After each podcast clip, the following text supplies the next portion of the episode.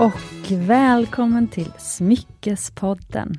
Det här är podden där vi pratar om äkta smycken och ädelstenar på ett enkelt sätt och bryter normer som präglat en annars ganska strikt bransch.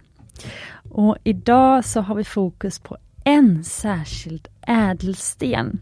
Och jag har två gäster med mig här i studion och tillsammans så ska vi tre hjälpa er, eller oss alla, att eh, reda ut hur får man den bästa av den här ädelstenen för sin budget. Ja, ni som har sett eh, titeln på det här avsnittet vet redan vilken sten det handlar om. Men Elena, vill du säga namnet? Diamant. Precis. Och du är gemolog? Ja. Mm, härligt. Du är tillbaka för tredje gången. Tredje, ja. Mm. Mm. Hur känns det? Jo men det känns bra. Men det var ett tag sedan så jag känner mig lite, lite ringrostig. ja, det blir bra. Ja, härligt. Och eh, den andra gästen som sitter här med mig och Elena, det är Hanna. Varmt välkommen. Tack så mycket. Och du är inte en gemolog men du är en Skata. Och smyckeskompis. Ja. Ja, härligt. Skata främst. Ja, eh, och Hanna har varit med ganska nyligen i ett avsnitt. Mm. Mm. Um, men vi börjar med Elena, för att det var som sagt ett tag sedan, sedan Elena var här. Uh, det är ju faktiskt Hanna som har letat upp Elena och gjort henne till, uh, ja, numera då en poddkändis kan man säga. Uh, men Elena, vad har hänt sedan dess? Först så hittade Hanna dig på, i en tunnelbana nere i, på Pantbanken. Ja, på Sefina Pantbank. Precis. Eh, vid Slussens tunnelbana. Eh, och där är jag inte kvar längre. Eh, så jag håller på att byta jobb. Jättekul. Och, eh, men ska fortfarande jobba med stenar. Som gemolog jag är. Så ska jag jobba som, mer som gemolog än vad jag gjort förut. Mm. Mm. Jättekul. Ja. Eller ska du återgå till att jobba mer? Ja, ja precis, ja men det är bra, tack. För att det, ja det ska jag. För jag, man kan ju säga att jag har tagit lite av en paus och varit, jobbat mest som pantlånare. Och lite som gemolog men nu ska jag jobba mer som gemolog. Men det, jätteroligt, grattis mm. till ditt nya jobb. Tack. Men det är ganska spännande ändå att, att jobba som eh, pantlånare. Mm. Eh, nu när du inte längre gör det, kan mm. du inte berätta lite grann vad, vad, som, vad som kan hända när man sitter där nere? För du jobbar ju på eh, pantbanken nere i tunnelbanan mm. i Stockholm. Eh, så vilken typ av personer är det som kommer in där? Ja, det är väldigt blandat. Alltså det finns ju två, på pantbanken där så finns det två typer av lån. Antingen så kan man ju låna, man kan ju få, det kan vara oförutsedda utgifter. Det kan vara man kan få tandläkarräkningar, veterinäravgifter tyvärr. Eh, som kommer, och el, elräkningen var väl det stora som har varit nu senaste månaderna där folk snabbt behöver mycket pengar. Mm. Eh, och då kan man lägga upp ett lån på tre månader.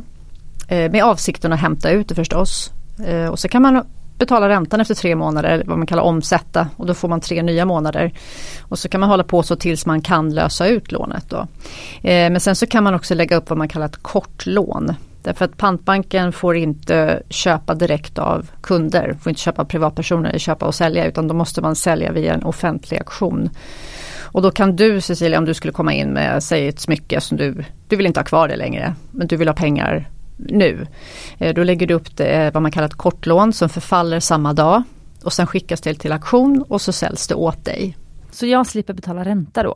Ja du betalar ingen ränta eftersom du säger från början att du vill sälja det på auktion. Mm. Men du får pengar med en gång. Så för dig så blir det som att du går in på pantbanken och att du säljer det till pantbanken. Men du, du säljer inte till pantbanken men känslan blir så eftersom mm. du får pengar med en gång. Och du kan aldrig bli återbetalningsskyldig. Så det är väldigt bra. Mm. Men om inte smycket sen blir sålt på auktion? Nej, om det blir vad man kallar återropat och det är i ett gott skick som man kan sälja det sen. Då köper pantbanken, då i det här fallet så är det Sefina, och så köper de in det till sin, sina butiker och säljer det. Då, för då äger Sefina de smyckena, de köper dem eh, och sen lägger ut dem till försäljning i butikerna. Alltså ni köper då till kanske lägsta utrop? Ja det blir ju till, ja, det blir till, till det, det, ett lägre intervall då som man köper tillbaks. Ehm, och då så lägger ut det till försäljning. Mm, jätteintressant. Och så har jag en sista fråga på ja. det här. Är det alltid smycken som man lämnar in till pantbanken för att få det första du sa som var ett lån, till exempel för att betala sin mm. elräkning? Nej, jag har blivit erbjuden Organ? vad sa du? Organ?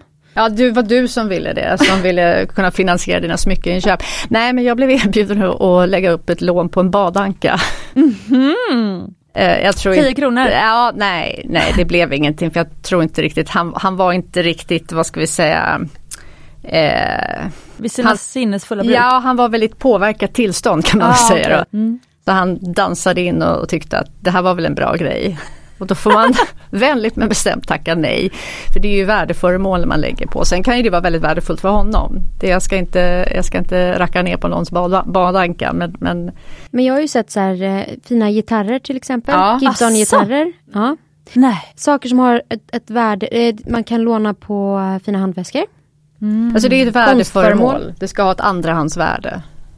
Men man, man kan komma även till det som vad jag tycker ofta ser ut som en smyckesbutik, alltså pantbanken. Ja. Och då kan man lämna in sin fina gitarr där alltså. Ja, gitarr där man kan, alltså det ska vara i ett spelbart skick. Eh, Klockor. klockor, väskor som sagt, om det är lite finare märkesväskor. Eh, och de ska ju vara i, i fint skick. Eh, glasvaser, keramik. Ja, men så här kosta och samlarföremål. Mm. Mm. Superspännande, nu har jag lärt mig något nytt här. Och jag vill också tillägga en sak att om någonting då inte skulle återupptas utan det faktiskt går på en auktion. Säg att du har lämnat in en eh, diamantring och du får låna 3000 kronor på den. Och sen så säljs den på auktion. Eh, så det kommer ju till en köparprovision och det är liksom administrationskostnader och lite sånt som dras av. Men skulle den säljas för 10 000 då får du ju du mer pengar sen. Så att pantbanken kan inte undervärdera ett föremål eller de vinner ingenting på det för de får bara liksom sina fasta avgifter. Så att säljs ett föremål dyrare på auktion så eh, Om det blir budgivning kanske. ja, budgivning om det budas upp liksom. Så får jag ta del av det. Ja, Då kan du få, men det får du tre månader senare när det faktiskt är. ja, det, nej, för sex veckor. Det brukar vara, Okej. man har en månad efteråt som det redovisas med ungefär sex veckor. Och då har du eh, ungefär ett år på dig att plocka ut det. Mm, Ja. okej. Men, det, men jag brukar säga att man, man kan alltid hoppas på ett överskott som det heter. Men man ska inte förvänta sig det för då blir man besviken. Men, men det kan ju bli det. Det är som att sälja en lägenhet på en budgivning. Om du har satt ett acceptpris så kan du förvänta dig det. För du kommer inte sälja lägenheten annars. Men eh, så skulle det bli budgivning så får ju du mer pengar. Jätteintressant. Och också som eh, bara avslutning här på introduktionen kring dig Helena, Mm. så för nya lyssnare, eh, det kanske är så att eh, eh, det här är det första avsnittet man lyssnar på, eh, på Smyckespodden. Eh, och då så är det också spännande att veta att eh, Elena är inte bara, bara gemolog, utan Elena har även utbildat gemologer. Så du har jobbat på Gemological Institute of America i New York Det stämmer. som lärare. Ja, det stämmer. Så det är ju jättekul Ja. mm, att du nu är här med oss. Ja. Och Hanna, för nya lyssnare, eh, berätta om eh, din roll i smyckesbranschen som har blivit större och större. Mm. Eh, nej men jag är ju på någon slags mission att demokratisera smycken och kanske i processen eh, leka blingfluencer som Elena hittat på. Eh, så det gör jag. Eh, och jag försöker dela med mig av så mycket kunskap jag kan på min plattform, Smyckeskompisarna. Eh, men sen har jag också eh, juvelmotsvarigheten till Hundar utan hem. Jag omplacerar eh, smycken så att de får hitta sitt forever home som jag räddar från olika ställen i världen. Och så säljer jag vidare dem på Skatans skatter. Jättefint. Och det intressanta är att eh, Hanna kan jag ha hittat just den skatten som du vill ha, kan jag ha funnits på pantbanken, men att det var ingen annan som såg dess stora potential. Nej. Så då har Hanna lyft fram den i ljuset och det är det som är fint med eh, kurering, som Mm. man kan väl kalla det. Kuratering på Jaha, svenska. kuratering, okej.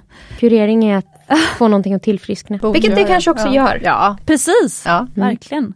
Eh, återfå sin forna glans. Mm. Ehm, men jag undrar Hanna, när blir Smyckeskompisarna en hemsida? Eh, med tanke på hur lite tid jag haft att lägga på smyckes, det är min liksom stora ångestpuck här, att jag har haft lite för mycket med mitt andra jobb eh, de senaste veckorna, att jag inte riktigt haft tid. Så vi får väl se när det kommer eh, stora företag som låter mig fakturera för min tid så jag kan lägga upp en hemsida. Mm, Mm. förstår. Sen gillar jag ju Instagram för det är ganska demokratiskt och enkelt och det gör att man kan vara spontan på ett annat sätt. Att man, jag älskar ju Instagram stories för det blir verkligen som en, eh, i och med att det är så efemeralt content, det vill säga sånt som bara ligger uppe i 24 timmar, så tänker man inte efter så mycket så det blir lite mer ofiltrerat. För att ju mer man lägger upp saker desto eh, längre blir man. Jag hade ju tänkt att jag skulle dela en, eh, en video som din kollega Fanny skickade till mig på en sten. Och så bara, nej men ska jag lägga upp en post på det här så förtjänar den mer. Och så Ja, två timmar senare mm. i ett rabbit hole av uh, bicolored sapphires så hade vi en post. Men då blir det ju liksom, ja, den förtjänade ju det men ja. Nej men det är sant. Eh, jag förstår vad du menar och jag tror eh, nästan alla kan relatera det här ångesten av att lägga upp en post ibland på sociala medier. Mm. Men jag har förstått att lösningen är att bara göra det. Mm. Eh, men eh, nu, mina vackra damer här. Vi diskuterade ju i vår sms-tråd om vad nästa avsnitt skulle handla om. och Elena, då sa du, kan vi, inte, kan vi inte ta upp den tråden som Hanna föreslog? härom månaden. Eh, vilken tråd var det och varför brinner du för det? Nej men det var väl eh, Diamantköparguide mm. som Hanna föreslog. Och om jag ska vara helt ärlig så brinner jag inte alls för det. men, men det jag brinner för, det jag brinner för det är ju att, att hjälpa folk, hjälpa konsumenter att förstå med lite enklare uttryck vad det är som säljs och vad de kan köpa. Eh, jag har ju vissa favorithatobjekt och jag säger hat. Eh, det, är, det har ju mycket med marknadsföring att göra mm. och jag vill gärna förtydliga vad det faktiskt är vad, vad de här namnen, de här beskrivande termerna som, som vi kommer komma till som jag är säker på att Hanna gärna kommer att strössla med. Och det är inget negativt för du är bra på de här termerna men, men vad det innebär för, för den vanliga konsumenten. Jättebra det, det brinner jag för men kanske inte så mycket diamanter i sig. Och Hanna? Nej men i min smyckesodyssé så eh, pratar jag ju väldigt mycket med folk. Det slidas in i DM till höger och vänster och eh, jag tog upp det i förra poddavsnittet att jag hade träffat på en bekants fru som var på jakt efter en diamant och hon undrade hur hon skulle tänka och prioritera.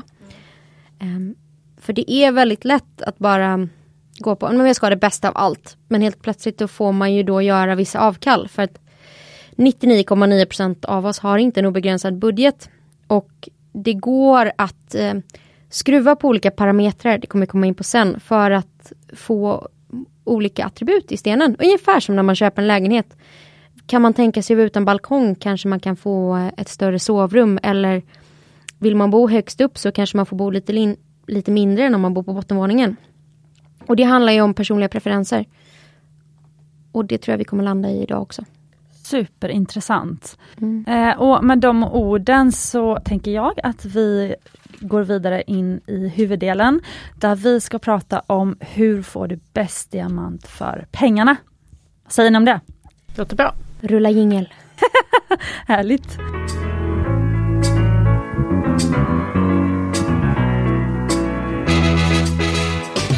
Okej.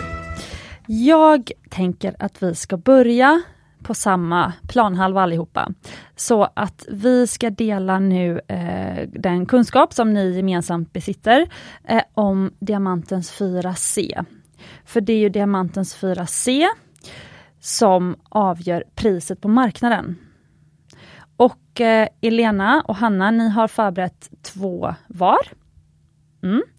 Eh, Elena, vill du berätta de fyra scenerna bara så att vi eh, vet vilka det är? Mm.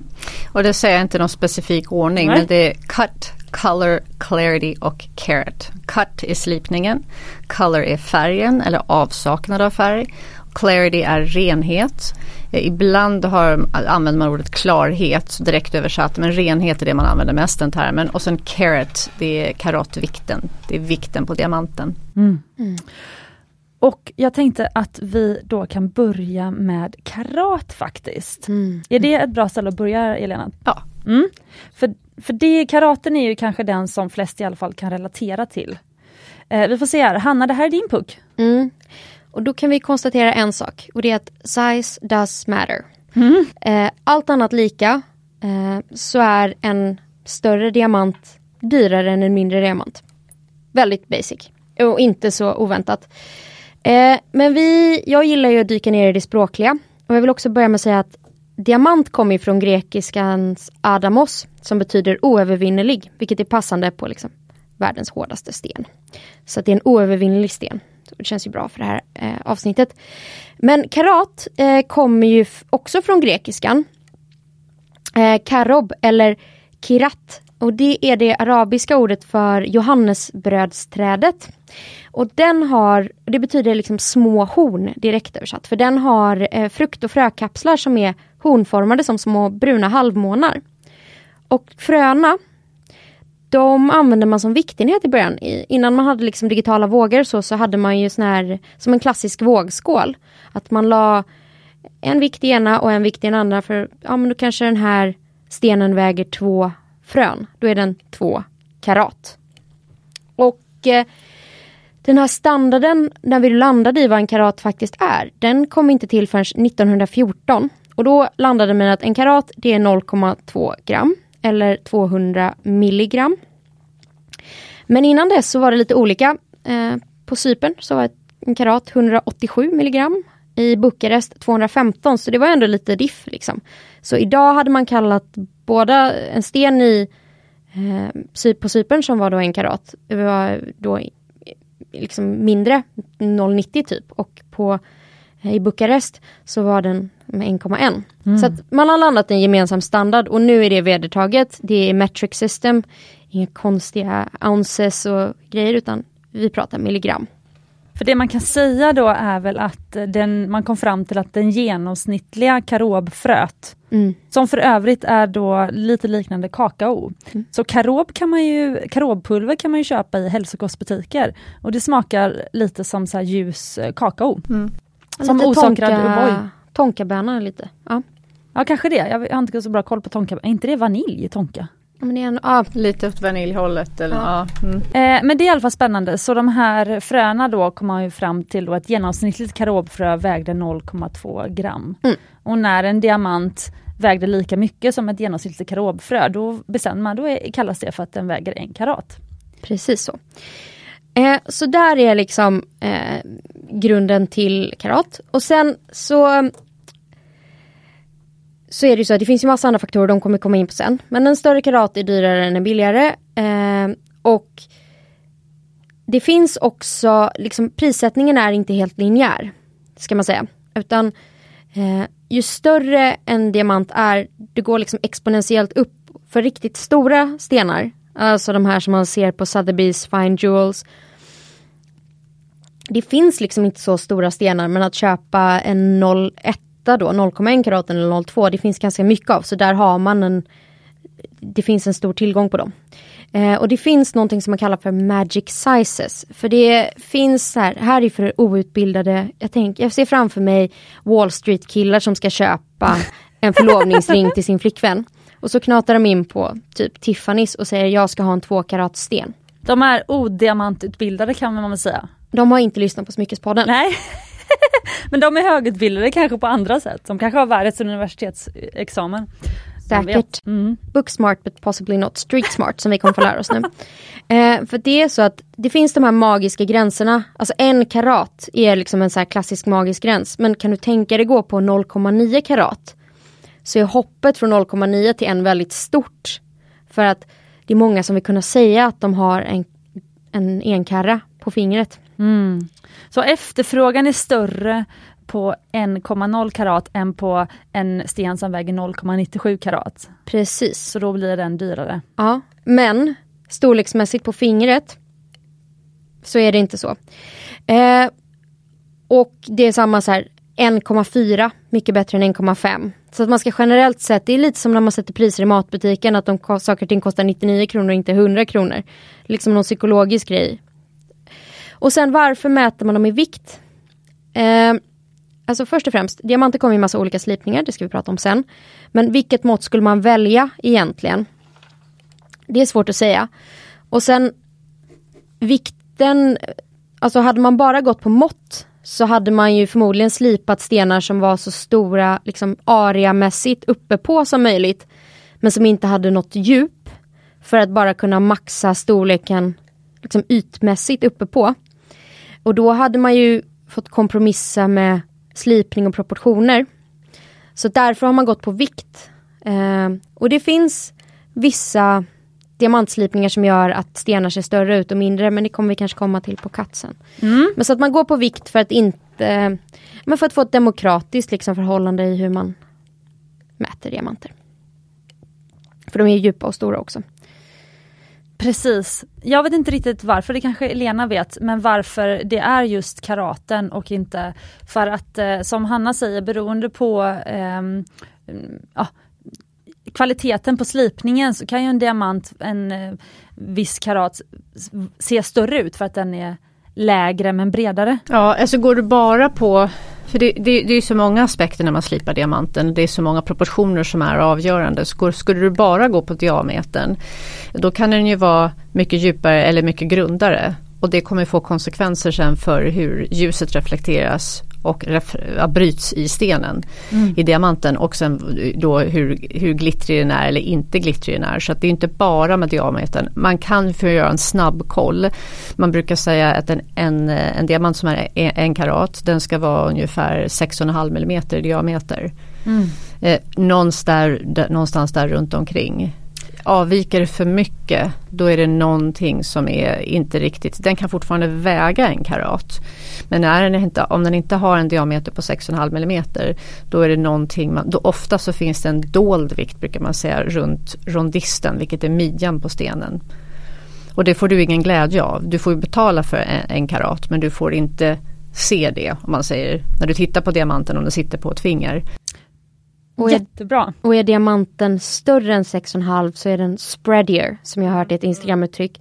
Men då blir den grund och så reflekteras inte ljuset så snabbt den så blir det död ut. Ja. Jättebra, för vi ska gå in på slipningen senare. Men då kan man väl säga så att eh, när man handlar diamanter över hela världen så eh, sätts priset utifrån karaten, alltså vikten. Eh, och det är i princip för att man inte ska bli eh, lurad med eh, att någon har gjort genvägar i slipningen eh, och att man kanske får mycket mindre diamant än vad man har betalat för. Nej det går inte. Nej Elena gick inte med på det här.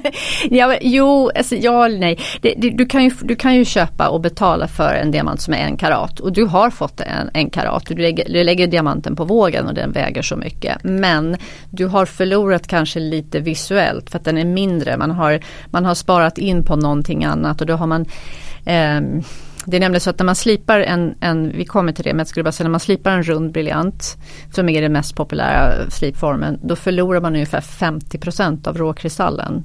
Så ibland så kanske man inte kan få till den diametern 6,5 mm. Så då ska man, men man vill ändå ha en karat, för vi pratar om de här magiska gränserna. Och de magiska gränserna det är ju också lite för att om du ska köpa någonting så tänker du ju hel, halv, en kvart, tre kvart, alltså 0,25, 0,75. Det är siffror som vi använder nästan dagligen i olika sammanhang. Så att de flesta tänker kanske inte på en 18 del eller 0,97 eller 0,9 så det är egentligen bara för att vi, det är de matematiska termerna man ska säga som vi använder dagligdags matlagning, klädstorlek, förstår du jag menar? Att det är skostorlek, okay. hel halv. Det är lite det som är också är de magiska gränserna för det är siffror som alla använder i olika sammanhang. Mm. Mm. Jättebra. Eh, och jag tänkte bara säga om ni som lyssnar, för redan jag kan känna att det är ibland eh, tror jag det kan komma att bli svårt att hänga med här. Eh, det kommer vara väldigt mycket information. Men på slutet så kommer vi i alla fall samla våra bästa tips. Eh, så att då kommer vi sammanfatta allting och sen får ni lyssna på avsnittet flera gånger också. Det brukar jag själv göra när jag har en intressanta gäster och vill eh, lära mig. Eh, men känner du dig nöjd med karat så länge Hanna? Mm. Eh, då tänkte jag Elena, ska vi gå vidare till färgen? Mm. Color. Mm. Mm. Och då finns det, ju, det finns två färgskalor som vi pratar om och den ena handlar om avsaknad av färg och den andra handlar om att diamanten har färg. Vi, vi, vi, vi vill att den ska ha färg och det vanligaste är, det är att man tittar på avsaknad av färg. Och det är en skala som internationellt sett användes, som vi använder som går från bokstaven D ner till bokstaven Z. Eh, man, använder, man bestämde sig för att man inte skulle använda A, B och C för det, det finns så många andra branscher som använder kanske A-kvalitet eller B-kvalitet. Man pratar om det. Eh, men det finns så många olika termer som använder bokstäverna A, B och C för olika saker och för att inte förvirra folk mer så började man med bokstaven D. och så går det ner till Z. Så D är total avsaknad av färg och Z är mycket färg. Mm, och sen och också även inom diamanter så pratar man ju om Type 2A och Type 2B om när man pratar om Golconda-diamanter från Indien. Jag har skrivit ett inlägg om det här men så att de används redan också, de har liksom redan kingpaxade eh, i andra typer av diamantbeskrivningar. Mm. Eh, men när man pratar om avsaknad av färg, då det är väl för att, bara så vi har det klart, att diamanter är vita eller man ser diamanter som vita. Vi har ju associer, associerat, associera diamanter med att de ska vara vita eller färglösa, precis. precis. Alltså generellt sett. Mm. Eh, när man ser diamanter i en, en film eller tv-serie så är de ju färglösa. Är, man ser ju inte att de har lite gul ton eller lite brun ton. Så vi, alltså, så, så, ja, vad ska vi säga, i ett större perspektiv så associerar vi diamanter med att de ska inte ha någon färg alls. Så det är det jag menar med avsaknad av färg. Att eh, ju mindre färg de har desto finare anses de vara och desto dyrare blir de. Mm. Och sen finns det då den andra skalan som är där som går, där, därför har vi helt andra termer som vi använder. Men det är färger som är så pass sällsynta att då ökar priset väldigt mycket mer. Eh, och då har du ju, om man säger ungefär en av 10 000 karat Eh, om du har 10 000 karat diamanter så en karat är då vad man kallar fancy color. Mm. Och ordet fancy color då, det antyder då att den här diamanten är sällsynt och den har en naturlig färg. Det kan vara gult, det kan vara brunt, det kan vara alla möjliga färger. Rosa. Rosa kan det vara, grått kan det vara, svart, vitt. Och vitt är lite, kan bli lite förvirrande därför att det finns då, vi, vi, säger, vi använder ju termen vita diamanter eh, i branschen, i smyckebranschen så kanske man pratar om att en vit diamant och då menar vi egentligen en färglös diamant. Men rent gemologiskt så finns det vita diamanter och då är de helt opaka eller ogenomskinliga. Det är, väldigt, väldigt, ja, det är väldigt, väldigt sent. De ser liksom mjölkiga ut. Ja, och de används ju egentligen inte jag, jag, har inte sett, nu har inte jag sett allting som finns, men jag har inte sett dem i några smycken direkt. För att jag tror att det kan, kanske mer att det är lite mer kuriosa. Och hur vet man när man har stött på en fancy diamant och inte bara en ehm, så att säga oren eller smutsig vit? Det är, ja, det är en bra fråga. Alltså de, de som är, om vi tar gula, för gula diamanter är de vanligaste diamanterna. Alltså någonstans på skalan, antingen på skalan D till Z, avsaknad av färg, eller på den andra skalan. Så gula diamanter är det man ser mest. Eh, antingen i, i eh, artiklar eller på i något mode eller ja, designhus som har det eller reklamfilm. Eller, alltså vi, vi ser gula diamanter, det är det som är det vanligaste som man ser. Eh, och då antingen är de då kanske lite blaskiga, solkiga, gula. Det ser ut som, jag brukar ta som exempel, det kan vara allt ifrån om man tänker sig att man har en helt vi, nytvättad vit skjorta. Och så har man använt den ett par dagar. Äh, eh, par dagar och du ser, ingen, du ser inte några smutsiga fläckar men den känns bara solkig. Mm. Det är någonstans kanske runt IJ, bokstaven IJ. Det, ja, men för, för, att kunna göra en jämförelse. Och sen blir det gradvis gulare och gulare och gulare och gulare. Och, och ner mot Z? Ja, ner ja. mot Z. Och förbi Z så blir det mer och mer och mer intensivt gult. Och när du kommer över till den andra färgskalan, det som vi kallar fancy color diamonds, då, då är det ingen fråga längre om den har färg eller inte. Då har den definitivt färg. Ja, men jättebra. För att det vi ska fokusera på idag det är ju den vita ja. diamanten. Eh, men om, om du stöter på en diamant du som lyssnar som är som du ser är tydligt rosa, brun, gul mm. och så vidare. Då kan du tänka att den hör till fancy diamanter en hel del fans i diamantmarknaden är ju bestrålade för att bli den färgen. Eh, kan man väl säga också om de har eh, ett rimligt pris för ofta är ju riktiga fans är ju väldigt dyra. Ja och jag skulle undvika att använda, för att det, det är lite, för alltså, Re, förut har det varit så att eh, termen fancy, fancy color har använts bara för naturliga diamanter, alltså nat, de natur, diamanter som har den färgen naturligt. Så mm. inte behandlade diamanter. Sen har det där börjat luckras upp lite grann så man får vara lite försiktig för, försiktig för förut så har man inte använt termen fancy för behandlade diamanter. Vad har man sagt då? då? Nej då säger man kanske bara en rosa diamant. Mm. Men man använder inte termen fancy. Alltså fancy, om du skulle säga fancy pink. Du kanske skulle ha fancy intense pink. Du kanske skulle använda en beskrivande term för att beskriva den rosa nyansen. Eh, man bör inte använda de termerna när det är en behandlad diamant för det blir missvisande. För då blir det indirekt att man säger att den här har en naturlig rosa färg. Är den behandlad så säger man kanske bara då, ska man bara säga rosa diamant. Jättebra. Okej, okay. Eh, då har vi... Och det kan vi väl lägga till där bara att den skalan som du sa, mm. intense är ju, där pratar man om färgmättnad. Så det finns det faint, light, eh, fancy vivid, fancy intense. Um, och så att när man går upp på fancy diamanter så vill man ha så mycket färg som möjligt så att den är så mättad och så moffig i färgen som möjligt. Det, och det är inte en stegvis skala riktigt som D till Z-skalan. Den går ju liksom som en, som en trappa gradvis neråt. Eh, det, här är lite, det här ser ut lite annorlunda för du kan ha när du har max, eller man ska säga maxfärg är väl fel men det finns ju också om det är väldigt mörk färg. Det är ju mycket färg men det är inte en mättad färg så det, det är inte en intensiv färg. Det är det som är lite knepigt, att någonting som är mörkt i tonen, mörkt blå, betyder inte kanske att det är mycket blå färg. Det Nej. där blir knepigt utan det, för vi pratar om hur skarp är färgen kan man säga. Hur mättad är den? Jag brukar tänka färgpennor. Alltså ja. du kan ju välja en mörkblå eller mörk eller vad förlåt, en ljusblå penna. Mm. Men sen kan du trycka olika mm. hårt med dem också. Mm. Ja, det är lite åt det hållet, absolut. Mm. Okej, okay. Hanna, är du nöjd nu med Color eller har du något ytterligare att säga?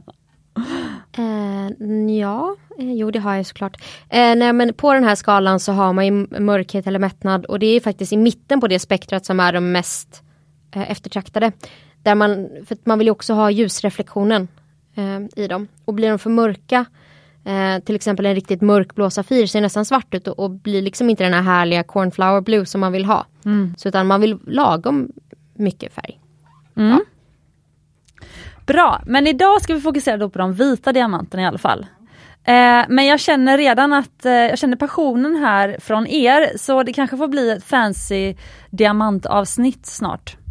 Också. Jag kan också säga det att, att vad, vad, man ska vara lite försiktig med. Om man, ska om man ska köpa som konsument, om man ska köpa en, man vill ha en gul diamant Eh, och man vill ha en fancy color. För vi pratar om att en av 10 000 karat är fancy, ovanligt. Och en av 25 000 karat är eh, Fancy Vivid som är den allra allra mm. finaste, mm. mest sällsynta Det är de här som sitter graden. i drott, eh, drottningars förlovningsringar. Ja.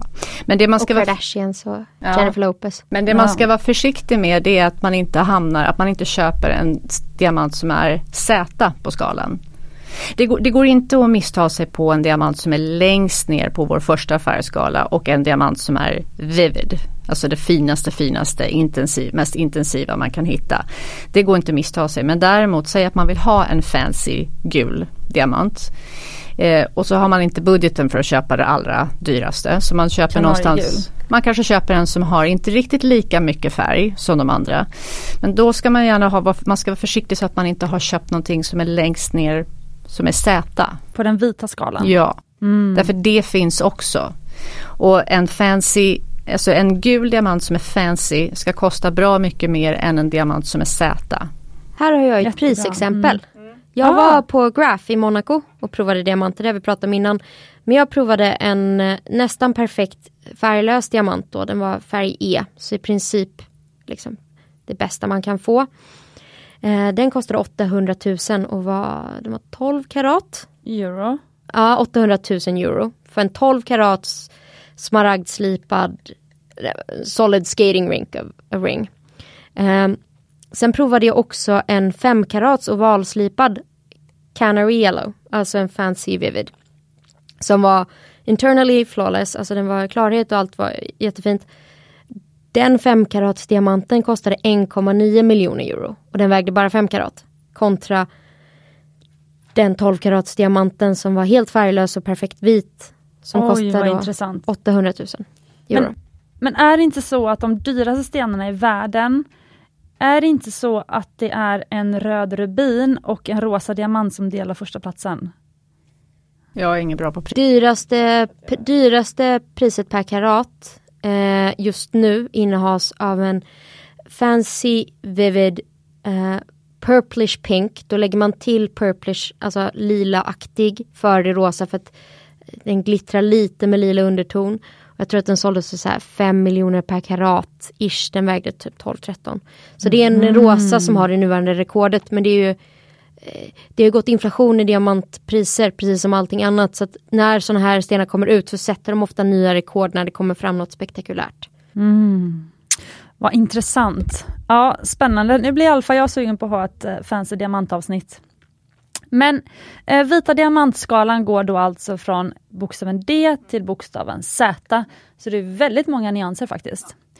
Eh, och eh, generellt bara tycker jag, för vi har i showroomet har vi faktiskt en sån här diamantgradering. Det är ju, man kan beställa, ni som jobbar med smycken och eh, träffar kunder och så, då kan man beställa eh, ett eh, set med Cubics Nej, vad säger nej, du? Förlåt, nej, gud, för, nej fortsätt, jag ska inte... jag kom, jag, ja, Elena jag... verkar tycka att det här är bra då. men, men eh, det är så roligt, Elena du visar så mycket känslor, det är väldigt härligt.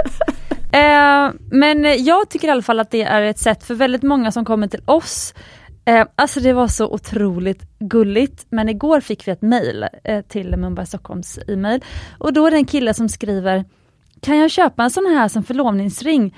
Eller vad är det som gör en ring till en förlovningsring? Och då kände jag så här, det här är ju ett, en titel på ett kommande poddavsnitt. Mm. Och det var ju så, ett, en så självklar fråga som bara Ja men det är så självklart att det faktiskt, ja vad är det som gör en ring till en förlovningsring? Men och eh, samma sak då när man sitter och ehm, eh, ska för, liksom ha lite snabb diamantutbildning som vi behöver ha med nästan varenda kund som kommer till showroomet. Eh, då är det väldigt bra att ha någon form av hjälp och kunna visa en färgskala. Så då eh, i alla fall har vi hjälp av en sån här kubik Zirconia rad med olika färgkalibrerade, eh, ja det blir diamantimitationer då. Eh, och då är det väldigt spännande att se, då är det väl mellan D och M eller något sånt här, de färgerna. Eh, som man kan, ja det Ja det är ungefär 10 diamanter i alla fall. I liksom fallande färgskala, då ser man i alla fall väldigt tydligt. Här blir det gulare och åt höger blir det gulare och åt vänster blir det vitare. Men skillnaden mellan till exempel E och F kan ju nästan ingen se som är liksom lekman, så då kanske man lika gärna kan gå ner en färg, en färggrad. Eh, men skillnaden mellan liksom den, den, liksom den eh, gulaste alltså diamanten ser man ganska tydligt då, eller den mest missfärgade diamanten. Så då kan i alla fall eh, då våra kunder få en liksom, förståelse för, ah, okej okay, det är så här en liksom, smutsig vit ser ut och det är så här en klar vit ser ut. Elena, nu när jag sagt det här, då får du kommentera. Ja, okej. Okay. Nej, men jag tar, jag, tar, jag tar delvis tillbaks mina huvudskakningar. Nej, om man, som du, det är jättebra visuellt. Om man ska visa för någon som inte jobbar med diamanter, mm. eh, då är det jättebra att ha det, demonstrera det. Det blir väldigt visuellt, väldigt påtagligt. Så det håller jag med om. Men om man jobbar med diamanter, om man jobbar med värdering eller någonting så kan jag inte riktigt rekommendera att ha Cubic zirconia. Därför, om man ska hålla på med det mycket, därför att de kan förändra, tid över, eh, förändra färg över tid. Ja, och sen vet jag att jag själv hade skaffat ett sånt, inte jag personligen men där jag jobbade på mitt förra jobb för, för förra jobb.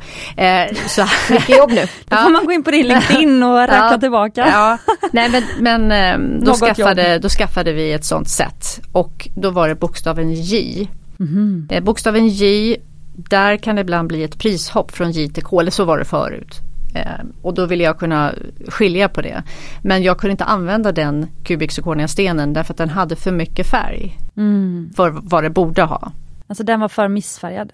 Ja, jag hade för mycket, ja, för mycket, för mycket färg. För mycket mm. dassighet, i, ja. smutsighet. Ja. ja men det är bra. Eh, men så, som illustrativt visar men ja, inte ja, ja. använda nej, som rättesnöre. Så jag sa jag tar tillbaks det absolut, jag hade fel. Så det, nej men det, det är ett bra hjälpmedel om man ska visa kunder, absolut. Ja men super. Då fick vi det eh, klar, klarifierat och vad säger ni om att prata klarhet apropå det? Mm. Mm. ja. det är ju nästa steg. Ja, Nej, för det är ju det, de två sakerna som jag ska säga, nu har det blivit mer och mer prat om slipning än vad det var kanske för 10-15 år sedan. Eh, nu pratar man ganska mycket om slipning som en, en, faktor, som en parameter som man vill lägga pengar på eller inte lägga pengar på. Men förut så var det bara färg, avsaknad av färg eller renhet, klarhet. Och renhet innebär då inneslutningar. Så diamanter och andra färgstenar kan ha inneslutningar när de formas i naturen och till viss del även syntetiska processer. Men när en ädelsten formas så oftast görs det under lång tid och med diamanter är det lång tid, det är hög temperatur och högt tryck. När diamanter kommer upp ur marken så är det oftast, det är nästan som att de, man öppnar en champagnekork. De, de kommer upp ur marken eller ur jorden, eh, långt ner i jorden, så kommer de upp nästan som en, en vulkanisk aktivitet. Och det, blir ju, det kan ju bli då mycket interna brott. Det kan bli under tiden de formas så kan det vara kristaller som formas med diamanten. Eh, och allt det där sammantaget pratar man då om renhet. Och det som Hanna var exemplet du hade det här med en, en internally flawless. Det finns då en skala och eh, skalan går då från flawless och det är egentligen bara samlarstenar. För så fort man bär en sån sten i ett smycke så kommer det bli små nagg och då hoppar det ner från flawless till internally flawless. Åh, oh, men det här är faktiskt väldigt bra. Mm. Eh, för att klarhet kan vara, se ut på två olika sätt. Mm. Det är alltså både inuti mm. och utanpå. Mm. Mm. Och utanpå är det som du säger att det kan bli eh, små nagg som man mm. känner på kanten på en sten. Kanske till ja, så det är knappt ens märkbart. Ja. Och allt det här är under, under tio, tio gånger förstoring. Man använder en lupp eller mikroskop men det ska vara tio gånger förstoring. Det ska inte vara mer förstorat. Eh, eller med blotta ögat kan det vara om det är en stor diamant naturligtvis. Men, men när man, man graderar så ska man inte ha mer förstoring än tio, tio gånger. Så man kan säga då om man är en klumpeduns, då ska man, och kanske lätt stöter emot sin diamant eh, och den kan ju då faktiskt få små mikroskopiska flisor, då är det jätteonödigt att ha köpt en internal flawless diamant. Ja, det, ja alltså det är som... Internally flawless spelar ingen roll, men en vanlig flawless. Ja fast det där, ja men där är det också med, man men säger... internally flawless, alltså Ska man lägga pengar på det? För det är ingenting nej. som man, vad har man för glädje? Eller nej okej, man vet att man har en diamant som är så fin.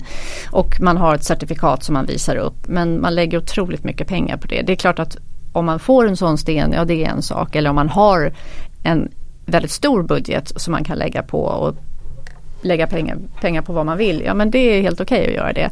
Eh, internally flawless har också kallats för luppren på svenska. Mm. Så om man köper diamanter på andrahandsmarknaden på auktion eller så, då kanske man ibland får se det uttrycket luppren. Och det är då vad vi skulle kalla internally flawless. Och det här, vi kommer ju återkomma till det med slipningar men beroende på vilken slipning det är på en sten eh, så syns eh, flas, alltså iClean pratar man ju också om. Luppren och Loop clean har man sagt också. Loop clean och iClean. Eh, så vad man ser beror ju också på hur stenen är slipad. En trappslipad diamant till exempel, smaragdslipning, är mycket mindre förlåtande för inneslutningar än till exempel en briljantslipad eller en kuddslipad diamant. För att eh, inneslutningarna döljs i glittret. Man kan säga. Sen är det också, så man fortsätter på skalan, så efter internally flawless då har man då VVS och det står för Very Very Slightly Included. Det finns ja, två, VVS 1 och VVS 2. Ja det finns underkategorier 1 och 2 och det gör det på, på alla sen efter. Och sen finns det VS som är Very Slightly Included. Sen är det SI, Slightly Included. Och till slut så är det internationellt sett så är det I som står för Included. Och där har vi 1, 2, 3. Eh, I Europa, främst i Sverige, så använder vi istället för I så säger vi piké. Piqué 1, 2, 3. Som är ett franskt ord ironiskt nog. Vad betyder det? Ja men piqué pointed, alltså. Aha. Ja. Ja. Prick, ja. Prickig. Men och jag har hört termer och det här kan ju också vara lite missvisande för jag har hört folk som har sagt att ja men VS står för very small inclusions. Nej det gör det inte utan det är very slightly included. Just det. Eh, därför varför, man, varför jag vill styra bort från det, det är för att om du har till exempel SI som jag har hört då folk pratar om det som small inclusions. Då kan det bli fel om man graderar en sån diamant. Därför att man ska, det finns fem faktorer man ska tänka på när man graderar en diamant. Och det är hur stor inneslutningen är, hur många det är, var någonstans de är placerade, om de är mitt under vad vi kallar bordet som är den största facetten mitt på ovanpå stenen. Det är inget bra. Eh, och sen vad är det för typ av inneslutningar? Om de har en liten liten kristall eller om man har ett internt brott. Det påverkar eh, renheten och påverkar värdet. Och sen kontrasten. För man kan ha, som jag tycker är väldigt eh, coolt. Man kan ha granatkristaller eller peridokristaller, så klarröda eller starkt gröna inneslutningar i en diamant. Coolt. Det tycker jag ger mer värde men generellt sett så, så eh, sänker det värdet. Men här, de inneslutningarna, de är ju extremt ovanliga. Ja, det är de. Och där kommer vi tillbaka till det här med fancy color diamonds igen. Om någonting är otroligt o, eh, ovanligt och dessutom så visuellt intressant, något, en färg, alltså en röd prick i en diamant är ju coolt och många tycker det är snyggt. Det är inte lika många som tycker att det är snyggt med liksom lite brunfläckar som bara ser liksom smutsig ut. Så att rarity är ju en, en stor grej med ädelstenar. Och en inneslutning som gör en, diamant, en sten väldigt eh, sällsynt. Det är ju då ja, scarcity, alltså tillgång och efterfrågan. finns väldigt få. Men det skulle fortfarande graderas efter alltså den är, hur synlig den är. Och då hamnar den längre ner på skalan. Men sen kan man ju prissätta den på ett annat sätt. Men den är fortfarande att den hamnar, även om det är en jättefin röd granatkristall så sänker det värdet ren, alltså rent generellt. Sen kan man ju prissätta den om man vill. Jag tänker också, det beror på vem som kuraterar en sån sten också, om det är någon som... Alltså jag får lite tankarna till så inredning, alltså mm. de som inte kan så mycket om inredning men vill att det ska vara fint hemma. Mm. De kanske tror att de måste gå och köpa helt nya grejer. Men den som är duktig på inredning, den kan ju lätt köpa de där udda, lite så kantstötta sakerna som blir väldigt snyggt och mysigt hemma. Men som den första personen inte hade liksom kunnat se framför sig.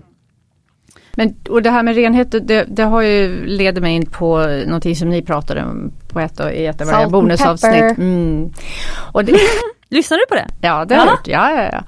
Eh, det är klart. Och då det har grämt mig väldigt, alltså i många år. Så jag kommer ihåg att jag jobbade för en ädelstensgrossist för ett antal år sedan. Och så var det en återförsäljare som ringde upp och så frågade du, har ni sådana här salt och peppardiamanter? Förlåt, vad sa du? Eh, och så sa de det en gång till, hade inte hört om det. Nej, vi kryddar inte våra stenar.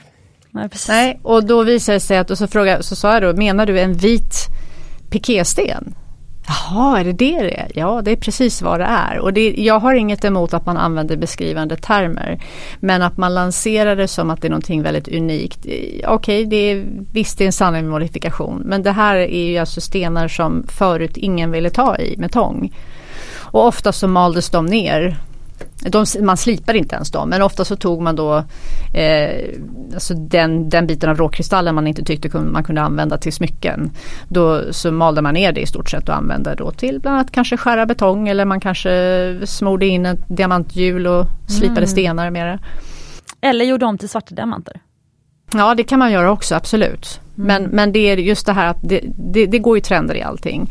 Och där tycker jag att man ska veta vad det är man köper. Mm. Plus att de diamanterna är lite skörare. Mm. Beroende på vad det är för inneslutningarna som gör den svartprickig. Mm. Det kan vara kristaller, det kan vara brott, det kan vara andra saker också. Eh, och det är väldigt viktigt att, att, att, ta reda på. För då ska man inte lägga en sån diamant i ultraljudsbadet till exempel. Nej. Men det som är demokratiskt med det, det är ju faktiskt att prissättningen överensstämmer ju med Eh, alltså liksom kvaliteten och mm. utbudet, att det finns väldigt många. Ja. För ju, om man vill ha en stor sten, mm. eh, och just att den har den här salt och peppardiamanter tycker jag, för man tror att de ser ut som dalmatiner, mm. hundar, mm. men det gör de ju inte utan ofta Kan ser, göra. Det kan ja, okej, okay, ja. det är sant. Men oftast, i alla fall de jag har sett, mm. är ju oftast väldigt grå. Mm. Och grå är ju en färg som, du kanske får få den i en spinell, eh, men grå är väldigt svårt att hitta bland ädelstenar. Och om man tänker liksom färger och att man liksom vill bygga en så här, som jag tänker mycket, en så här snygg smyckesgarderob, alltså med många olika färger och matcha och så vidare. Jag tänker lite som en klädgarderob. Eh, då får du ju en liksom grå, ett grått inslag i din smyckeskollektion till ett väldigt överkomligt pris. I alla fall när det handlar om stora grå, eller då, stora salt och peppardiamanter som som är väldigt överkomliga priser. Det enda man ska tänka på också, det är nu, nu köper man inte smycken för att man sen ska sälja eller kanske låna på dem. Men man kommer knappt få någonting för den här diamanten. Mm. Man kanske betalar mycket för den. Och speciellt om, man, om det marknadsförs hårt och det, ja, det här är unikt, det här är att du är ja, marknadsföringsgeni. Jag vet inte hur du skulle kunna... Classic Etsy, du pratar man ju ofta om It's a galaxy in your stone. Ja. Uh. Eh, Klassiskt Etsy, det är alltså, för Elena vände sig till Hanna och sa att Hanna var marknadsföringsgeni. Ja. Har du Hanna varit inne på Etsy, den här Etsy.com? Ja, nej men där säljs ju väldigt, jag tycker ju att eh, de här som du säger då dalmatinerstenarna med ja. prickar i. Det ser ut som små liksom galaxer, inneslutningarna blir då intressanta när du får tillräckligt många så blir det som att det ser intentional ut. jag tänker på de här, de här gamla jeansen med färgsplatter från var det Gaultier som var liksom riktigt så här splashade så att om man betalade svinmycket för dem. Och som ser ut som att man har målat 15 hus. Alltså det blir ju det som coolt. Och det har man ju då plockat upp. Och det är många små independent quirky jewelers. Det är liksom inte Tiffany och Cartier som gör det här utan det är små och typiskt sett så finns Har man ingen egen e-handelsplattform så använder man ju sig ofta av en butik på Etsy för det är lättare. Så där kan man ju hitta, och det är på samma ställe som de säljer månstenar och eh, lite mer okonventionella ädelstenar. Ja för det vill jag ändå fråga dig Elena, alltså eh, du som ändå brinner för eh, både konsumentupplysning men mm. också kanske, du är inte så imponerad av de stora diamantföretagen eller de stora liksom, eh, smyckesföretagen och sådär. Ja, ja jo det är en sanning med modifikation, alltså det, ah, det okay. är ju mitt Ja det är bara ja, dem du inte gillar. Nej inte bara. nej, men jag, Martin Rappaport. Ja nej men, det, nej men jag tycker ju att de stora husen ju, har gjort fantastiska saker och gör fantastiska saker så att nej nej nej det, det Beers är ju ja, okay. ja, eh, byter ämne där men i alla fall så nej det är klart att det är jättebra att jag tycker det är, det är fint att kunna eh, förklara på ett ett vackert sätt som du säger, det är en, det är en galax. Det är, du bär din egen privata galax på fingret eller något sånt där. Ja men det är jättebra. Men betalar man mycket för, om det blir en hype, om det blir mm. liksom en cool grej, om, om du har influencers eller kändisar som börjar bära det här och då hakar du på trenden och betalar mycket pengar. Då bör man veta att om man skulle behöva låna pengar och går till en pantbank en pantbank tittar inte på hypen. En pantbank tittar inte på att men det här är en galax du har på fingret. En pantbank tittar på de här tråkiga skalorna och ser att din diamant, din galax på fingret hamnar långt, långt, långt, långt ner på skalan. Och det betyder att du kanske får ett par hundra lappar eller en tusenlapp beroende på hur stor stenen är. Du kommer inte få mycket. Eh, och det där är ett problem som jag har, det, det är inget kul att stå och, och, säga till en ung, en ung person som har, behöver låna pengar och så har de köpt en, en förlovningsring, en alliansring med små diamanter och ville köpa någonting väldigt fint i en kedjebutik. Så att det är massproducerat, det är ganska små diamanter. De har betalat kanske, det här har hänt 20 000 och det jag kan låna på den här är 3 000 kanske. Men det tänker jag att man får vara beredd på. Alltså, för jag antar att i princip alla alliansringar eller eternity band med små diamanter mm. runt om hela ja, men som väger kanske 1-1,5 gram så mm. guldvikten är, kost, är liksom 900 kronor.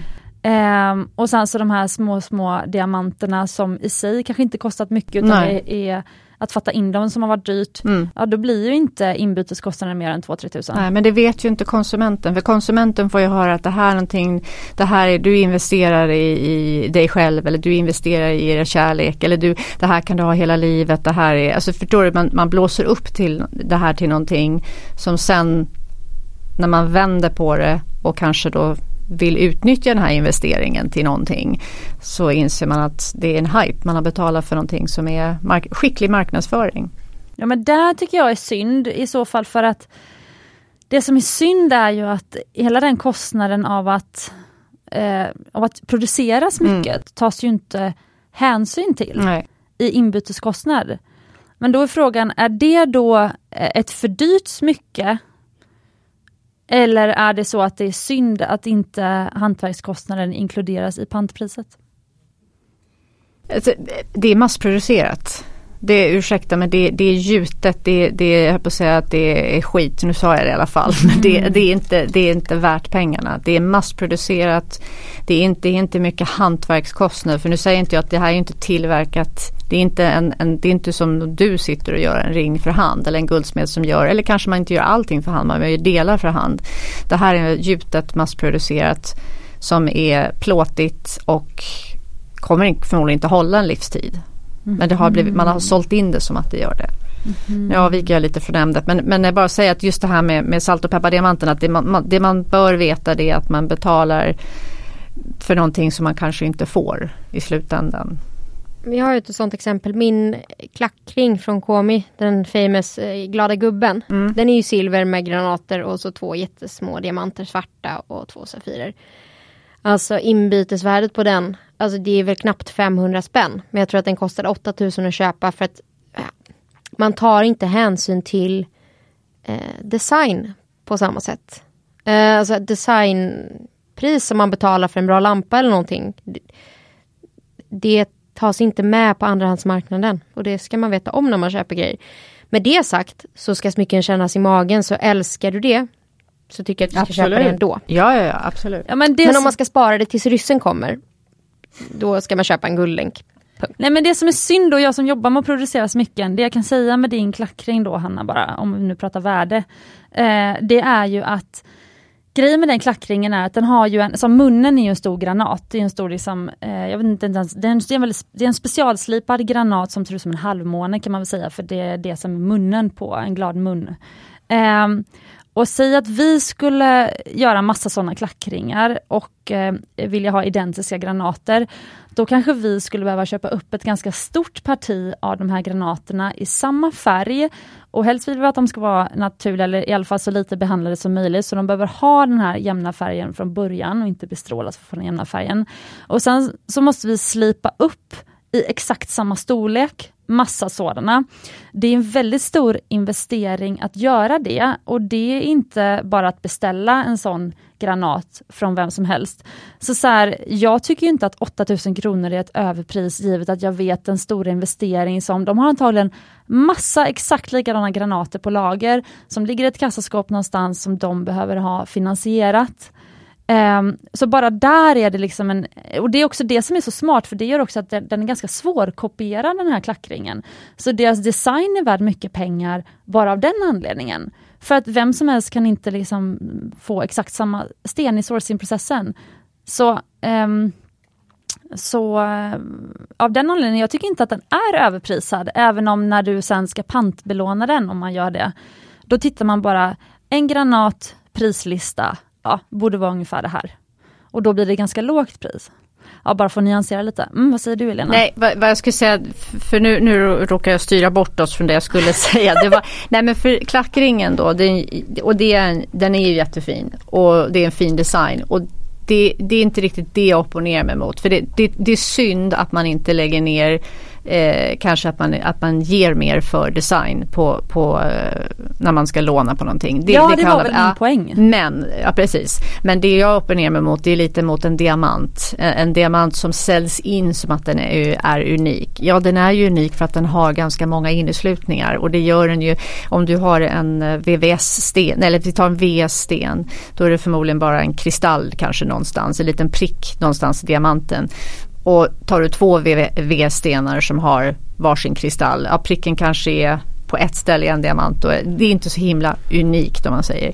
Men kommer du ner på skalan, ju mer inneslutningar du kanske har, ja då blir den ju per definition unik. Därför mm. det är mm. svårt att hitta kanske två, tre diamanter som ser precis likadana ut. Så att det säljs ju in som att det är unikt.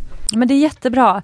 För då kommer, har vi kommit tillbaka på banan. Men mm. jag uppskattar det här sidospåret. Jag tror mm. Eh, att eh, Så att det är det jag opponerar mig mot. Att det är en diamant och det är det man ska veta när man lånar på det. Inte kanske smycket i sig. För att någons kreativitet och design ska ju självklart belönas. Så det är inte det jag absolut inte opponerar mot.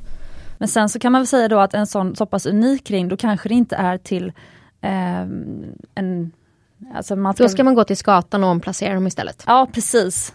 Mm.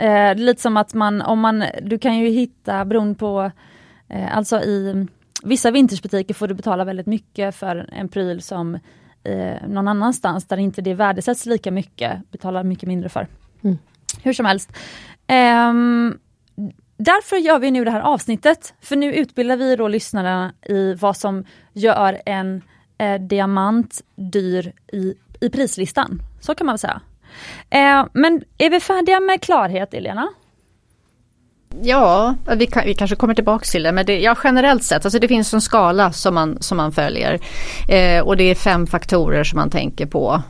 Eh, när, man, när man graderar en diamant, när man tar allt det här i beräkningen. Vad, vad gör en diamant en SI istället för en VS till exempel? Eh, och då är det ju då hur stora inneslutningen är, hur mm. många de är, var är de placerade i diamanten? Vad är det för typ av inneslutningar? Och är, de, är det någon kontrast? Alltså är det en, kanske en svart inneslutning jämfört med en nästintill genomskinlig inneslutning. Ah.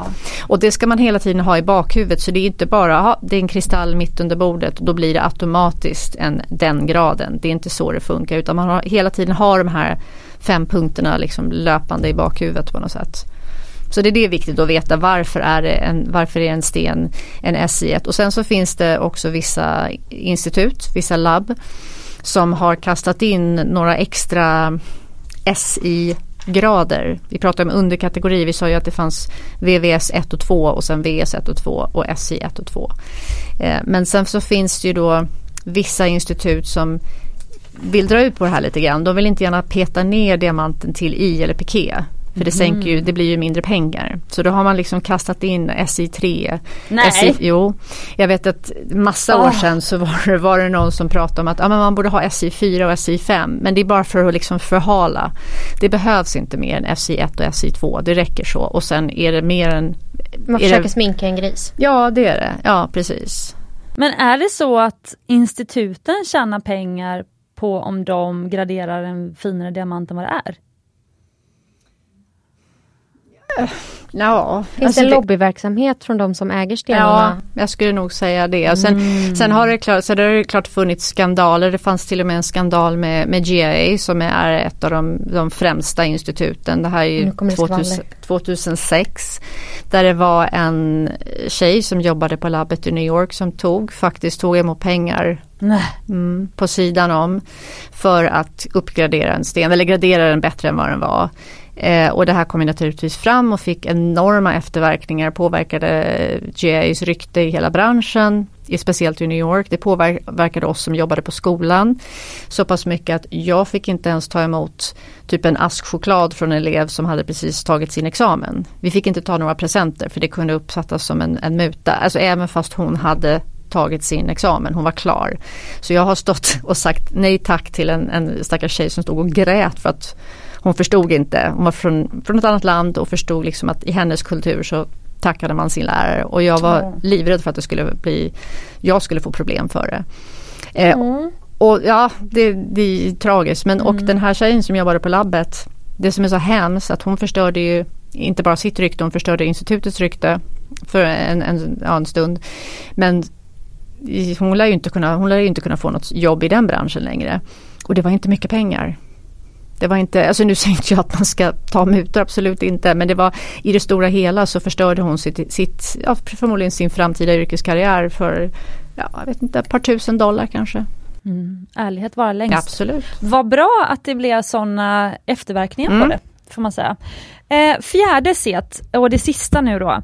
Eh, då har vi katt som är slipning, Hanna. Mm. The first cut is the deepest. Mm. Eh, ja, men, slipningen påverkar ju då hur en sten reflekterar ljus. Det är liksom, man slipar ju en sten för att den ska reflektera ljus och glittra.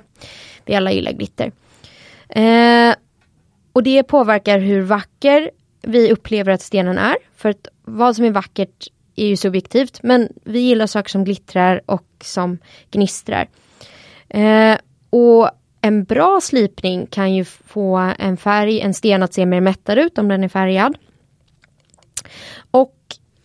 Man har, som Elena sa, så pratar man ofta när man ser en, en eh, diamant beskriven så är den första som kommer i karat. Och sen så står det vilken färg den är och sen så står det eh, vilken renhet den har. Men väldigt sällan så pratar man ju om eh, slipning och slipning bedöms i fem steg. Så du har från excellent till poor och däremellan har du very good, good och fair. Och excellent är ju bra och poor är dåligt då. Och nu kanske jag får banning av magistern här men GIA utvärderar tre huvudfaktorer. Och det är hur stenen ser ut face up, eh, hur mycket fire den har och hur mycket brilliance den har. Nu är det mycket engelska termer här men fire är hur mycket liksom ehm, dispersion, mycket Regnbågsfärger. Ljusreflektion, kan man säga det? Nej, det får man inte säga. Okej. Nej, men fire är regnbåge. Uh, scintillation, alltså glittret i den. Och brightness, hur mycket vitt ljus den kastar tillbaka. Och är stenen för grund, alltså vi säger att vi har skimpat på det här med proportionerna för att bara få en stor, ett stort mått på stenen. Då studsar ljusstrålarna fel i stenen. Det är som ett så spektra så de studsar inte tillbaka. På samma sätt också om den är för djup så studsar de inte heller tillbaka bra. Så det handlar om, det blir liksom som små speglar i stenen hur de studsas. Um, och en bra slipning där en sten glittrar mycket kan ju då faktiskt dölja att det finns små inneslutningar. Man ser inte att en sten är VS till exempel. För att den glittrar så mycket så att för ögat så ser den eh, supervacker ut. Och här har vi skillnaden då, vi kom in på det innan, trappslipningar, de har ju inte det här gnistret på samma sätt. Det blir ett väldigt mycket mer subtle, alltså ett väldigt eh, sub, mer subtilt glow i stenen. Eh, så att en trappslipad sten, där syns orenheterna mycket mer än i en briljantslipad sten till exempel. Och Slipning är ju otroligt subjektivt och två stenar som båda har fått slipgrad very good kan se väldigt olika ut beroende på liksom vad man subjektivt tycker om med en sten. Eh, och det, är väl liksom, det krävs betydligt mycket mer kunskap att bara lägga en sten på en våg. Du har ju svart på vitt vad den väger, den, den väger en karat. Men det krävs lite mer skill eller lite mer kunskap för att kunna eh, sätta slipning. Elena, det känns som att du vill flika in här. ja, först vill jag bara säga med, med skalan, excellent. Eh, det har gjorts försök att säga att ja, men en, en diamant som är excellent slipad är perfekt slipad. Och det finns ingenting som heter perfekt slipad. Nu sa inte jag att du påstod ah, att du sa det. Utan vad, vi kan använda ordet optimalt. Att ah. under de förutsättningar man har så är den så kanske nära perfekt slipad som den kan vara. För det man hela tiden måste väga för och emot det är ekonomin bakom stenen. Så vad är arbetskostnaden? För du kan, du kan lägga ner massa tid och timmar och sitta och slipa en sten och polera den. Eh, men är det värt det med arbetskostnaden?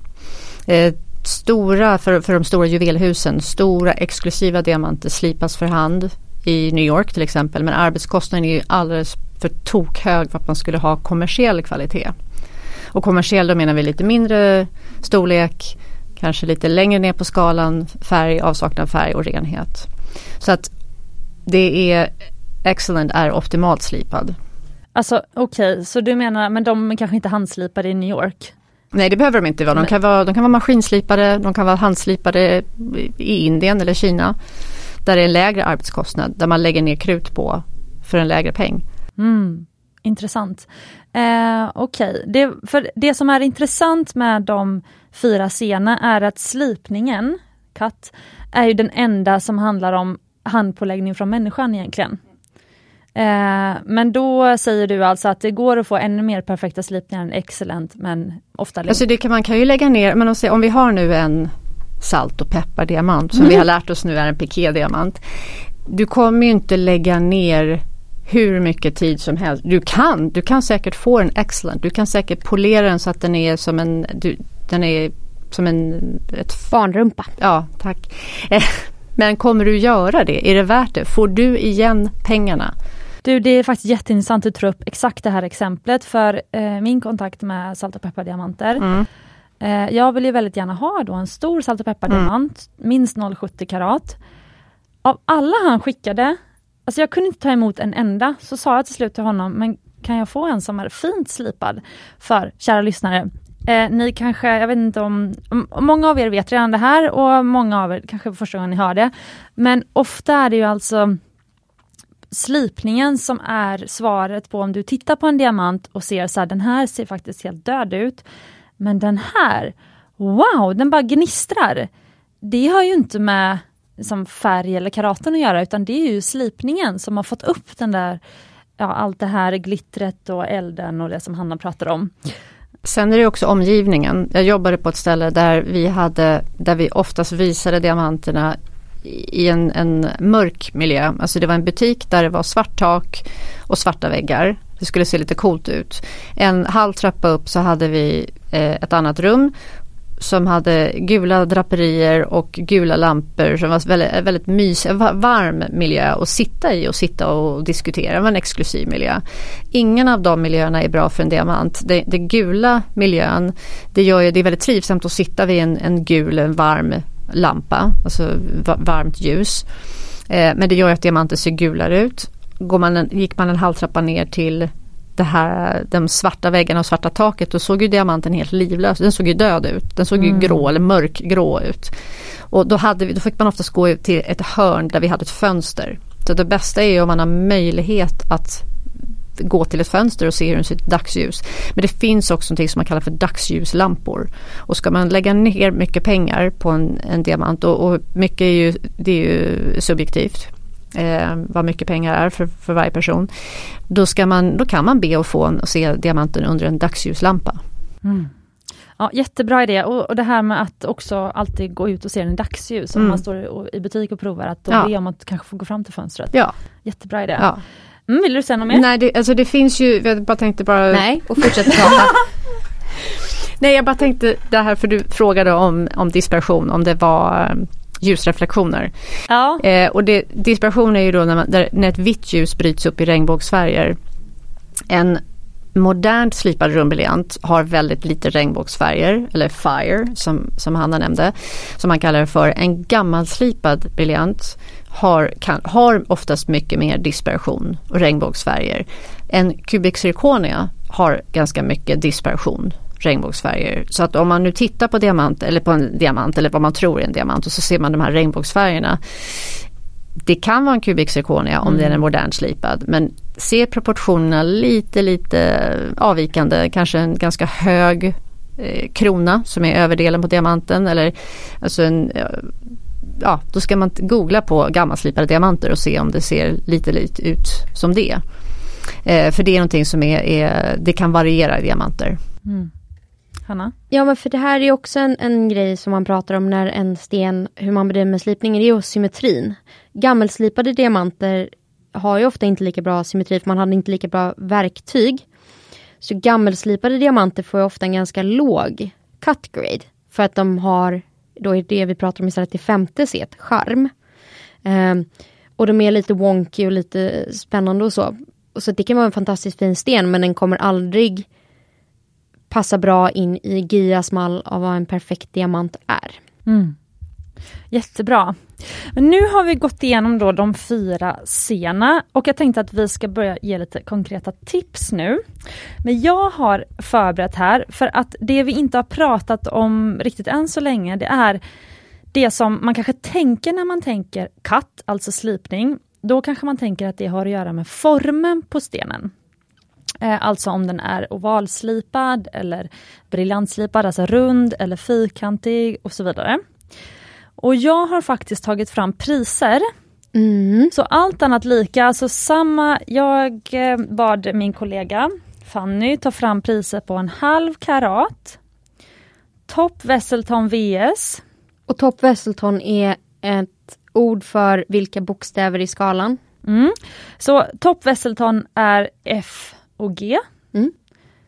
Eh, man kallar i Sverige, jag vet inte riktigt varför, men eh, det har blivit så att man lite slarvigt nästan kan jag tycka, bakar ihop vissa bokstäver. Så eh, i Sverige så eh, om man köper en Top Wesselton diamant, då kan man få antingen F eller G.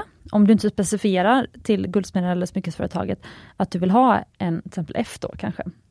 Eh, som är lite högre eh, färg, alltså vitare Och det sten. kallas för River, som är klar som vatten. Precis, Flod. Precis och E River. Och sen så H är Wesselton.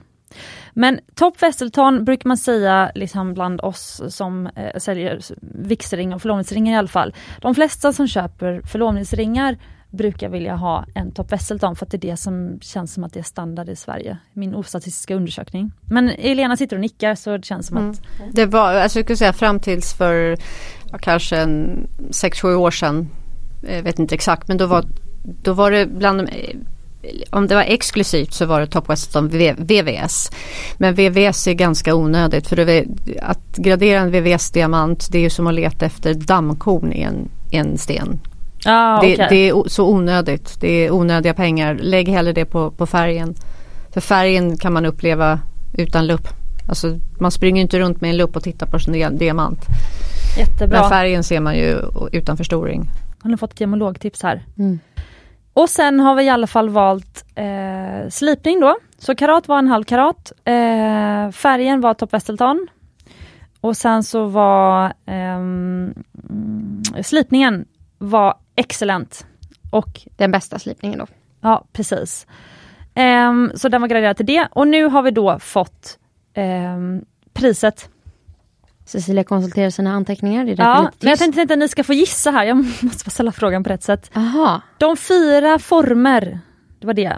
Det var en oval, det var en princess, alltså en fyrkantig. Det var en eh, markis, som är den här formen som ett öga eller en eka. Och sen så var det briljant. De fyra, Briljant. Vad Så- menar du då? eh, rund briljant. Mm. Vad är inte rund briljant? Jo, men det är bara för att vara förtydligad därför att en markis är en briljantslipad diamant. Och en prinsessa Sant. är också en briljantslipad. Och det, det, det är lite för, alltså det är en förlegad term men det används fortfarande men att, att man särskiljer briljanter och diamanter. Och, och om man stöter på som du säger, om man stöter på någon som säger, jag har själv använt ordet briljant men jag har börjat träna bort det från pannpanken men en briljant då brukar man mena en rund briljantslipad diamant. Men det är viktigt att veta att, att prinsess, navett och en oval, de flesta, alltså många av de här slipformerna är ju också briljantslipade. Mm, alltså de, De har har- de här trekantiga facetterna, det är det du Ja, menar? ja. Just det, så om man tittar väldigt noga på en sten så kommer du se de här, eh, det som faktiskt gör att det blir ljusreflektion, de Mm. här facetterna. Okej, men då var ni med på det, att det var de fyra. Eh, och min fråga till er då är, eftersom att vi då sa att eh, det är karaten som bestämmer priset, alltså allt annat lika. Och allt annat lik, det var ju de här då. De hade excellent slipning, de hade VS eh, eh, nivå på inneslutningar. Mm. Very slightly included. Och de hade färg Top Wesselton. Eller G ska jag säga. Eh, allt annat lika så undrar jag då vilken form? För de har faktiskt inte samma pris. Nej. Det är det som är så intressant. Eh, så då undrar jag vilken... Eller ska vi göra så här? Ni får skriva på varsin, ni får inte säga det högt. Jag kommer inte ens ihåg vad du sa. Därför att så Nej, fort men du jag säger kommer- testa mig då, då, då går jag i spinn. För jag blir jättestressad. Jag kan inte ens gå och göra en synundersökning utan att bli stressad. Jag gissar bokstäverna på synundersökningen bara Vad för sa att... du? Du hade navett, Ja men det här är jättesvårt. Och Det är du alltså... hade navett, oval, rund, Rund. Och prinsess. Prinsess. prinsess. Men det jag tänkte att du kan få skriva ner då Hanna, jag vet inte om Elena vill vara med i den här leken, men vilken är dyrast och vilken är billigast fastän alla väger en halv karat? Det är ju en väldigt rolig övning tycker jag, för jag hade nog inte satt det här. Ehm, men Ja. vill du vara med i leken Elena? Ja, ja, ja, men Ja. jag kan, jag kan säga det. Jag behöver inte skriva ner bra. det. Ja. Okej, vill du Ja, för jag börja? har skrivit så jag kan, Elena kan få gå först. Ja, vill, ska vi börja Ja. med den, vilken vi tror är billigast? Jag har ju två som jag väljer mellan. Jag skulle tro antingen navett eller prinsess. Men jag gissar prinsess. Ehm, Hanna? Jag tror att den runda är billigast. Eh, Elena har rätt. Ja. Men eh, däremot, Är navetten billigast? prinsess är billigast. Okej. Eh, däremot så den, den valde, den som bara är snäppet dyrare är oval. Ah, okej. Okej. Prinsess var ju jättehett länge. Det var ju jättetrendigt, jättepopulärt. Men det känner jag att det har dött lite grann. Det är tack vare Tiffany's eller? Nej, jag, tror, jag vet inte om det var Tiff, nej, jag tror inte jag vet att det var speciellt, specifikt Tiffany's. Men ett tag var det, alltså kanske tio år sedan var det jättetrendigt. Men problemet är med prinsesslipad diamant, den slipningen är framtagen för att spara så mycket av råkristallen som möjligt. För vi sa ju att om man slipar en rund briljant, eh, briljantslipad diamant, då förlorar du ungefär 50% En prinsesslipad, då behåller du ungefär 80% Men en prinsesslipad diamant blir väldigt hög, alltså den blir väldigt djup och väldigt hög. Så om du ska göra en enstensring och du ska komma upp i storlek så kommer ringen bli ganska tjock i godset. Och det som är problemet också är som du sa att den blir hög, Mm. det betyder att den kommer väga mycket. Men det som är under Mm. Under ovansidan på stenen ser ju inte Nej. kunden så då betalar man ganska mycket för något som kanske ändå inte syns. Det är som Eh, en iceberg stone, allt ligger under ytan. Precis. Eh, men då vilken är dyrast? Navetten. En rund, en vanlig rund. Ja, då har vi olika svar här. Ja. Eh, nej men Elena sätter den här med. Ja. Mm. Men det tror, jag, och det tror jag också dels för att det är störst efterfrågan på en rund. För att om man, om man frågar bara folk på gatan om man skulle fråga vad, vilka form, eller eh, nämn en, en, form som du tycker är trevlig för ögat. Alltså oavsett vad det är så väljer folk rund. Alltså vi tycker om runda saker, vi gillar inte generellt sett vassa kanter, vinklar utan det är en rund form som är behagligast för ögat. Eh, och sen är det också dyrt tror jag att det är för att man förlorar 50% av diamanten. Så det blir väldigt mycket spillmaterial eller om du har en väldigt skicklig stenslipare så kan de planera. Det finns alltså separata yrken, det finns stenplanerare, jag vet inte om det heter exakt det men mm. folk som, som nästan som arkitekter som tittar på en råkristall. Och så planerar de vad, som kan, vad man kan få ut av den här råkristallen. Just det, kanske du får ut tre prinsessdiamanter ja, i den här ja. storleken och fyra ovaler i den här. Och, just det, för... och en väldigt skicklig då planerare och stenslipare kanske kan få ut två stycken runda briljantslipade diamanter av en råkristall beroende på hur de sätter proportionerna. Mm, för det som är väldigt intressant, eller vill du säga något Hanna? Nej jag, bara, jag har insett att jag underskattar då runda för jag hade ju de andra i rätt ordning men så satte jag ju rund som billigast. Men har, är det inte också med att göra att en rund sten eh, i förhållande till sin vikt får den största diametern? Ja, precis.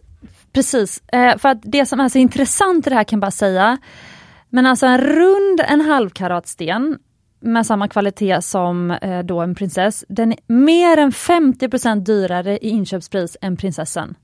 Mm. Alltså det är stor prisskillnad. Men i min erfarenhet också, Alltså jag är ganska säker på, nu bad jag faktiskt inte Fanny kolla det här för jag kom på det nu, men hade jag bad om, ba, va, bett om priset på en till exempel 0,49 karat eller 0,47 karat rund briljant, så tror jag inte den hade varit så mycket dyrare som nu den här 0,50 karat är.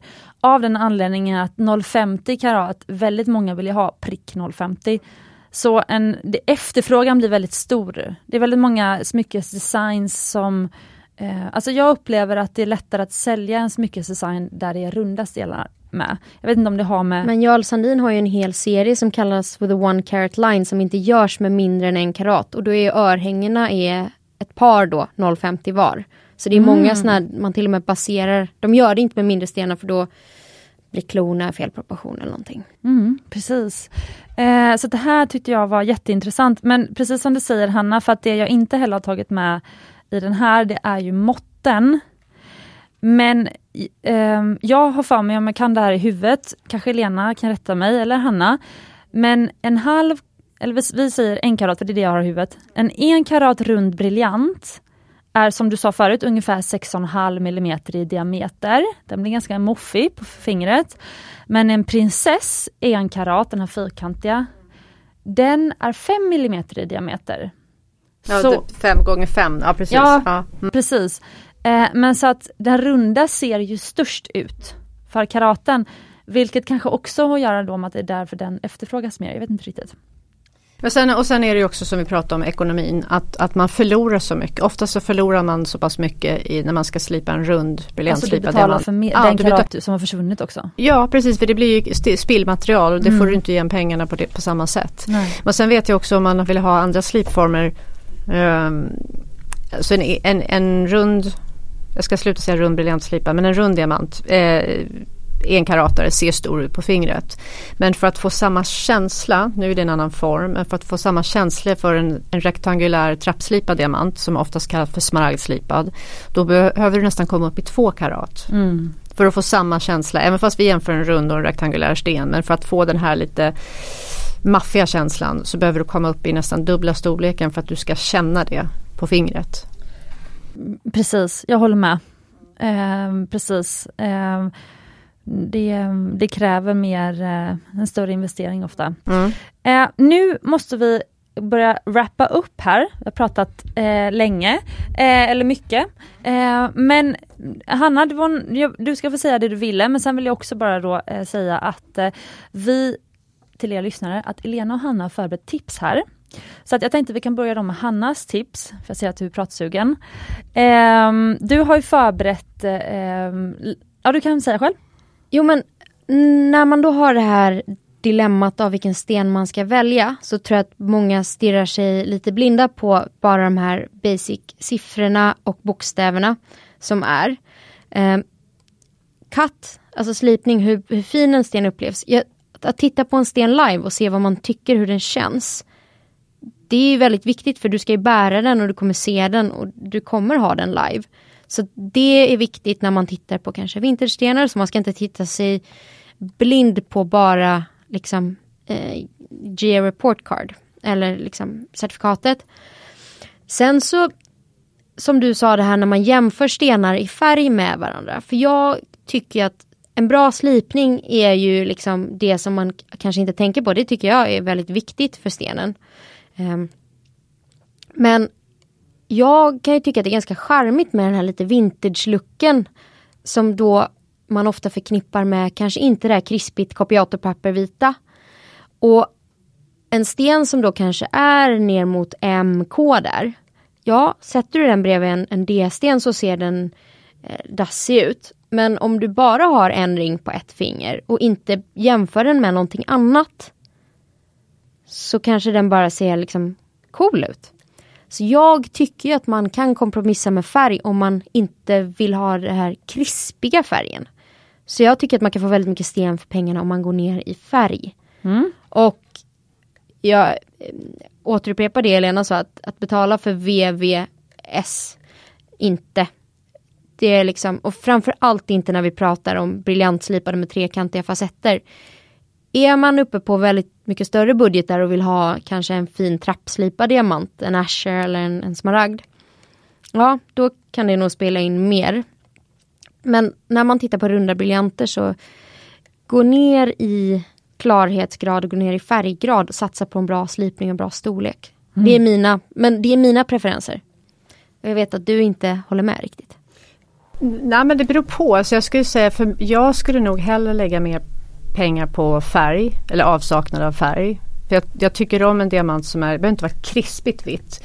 Men eh, jag tycker att när man kommer ner lite i, i skalan och det börjar få en gul ton så kan det det kan se lite dassigt ut. Men jag gillar ju absolut med en fas inte gula diamanter. Jaha, vad otippat känner jag. Du, tycker du?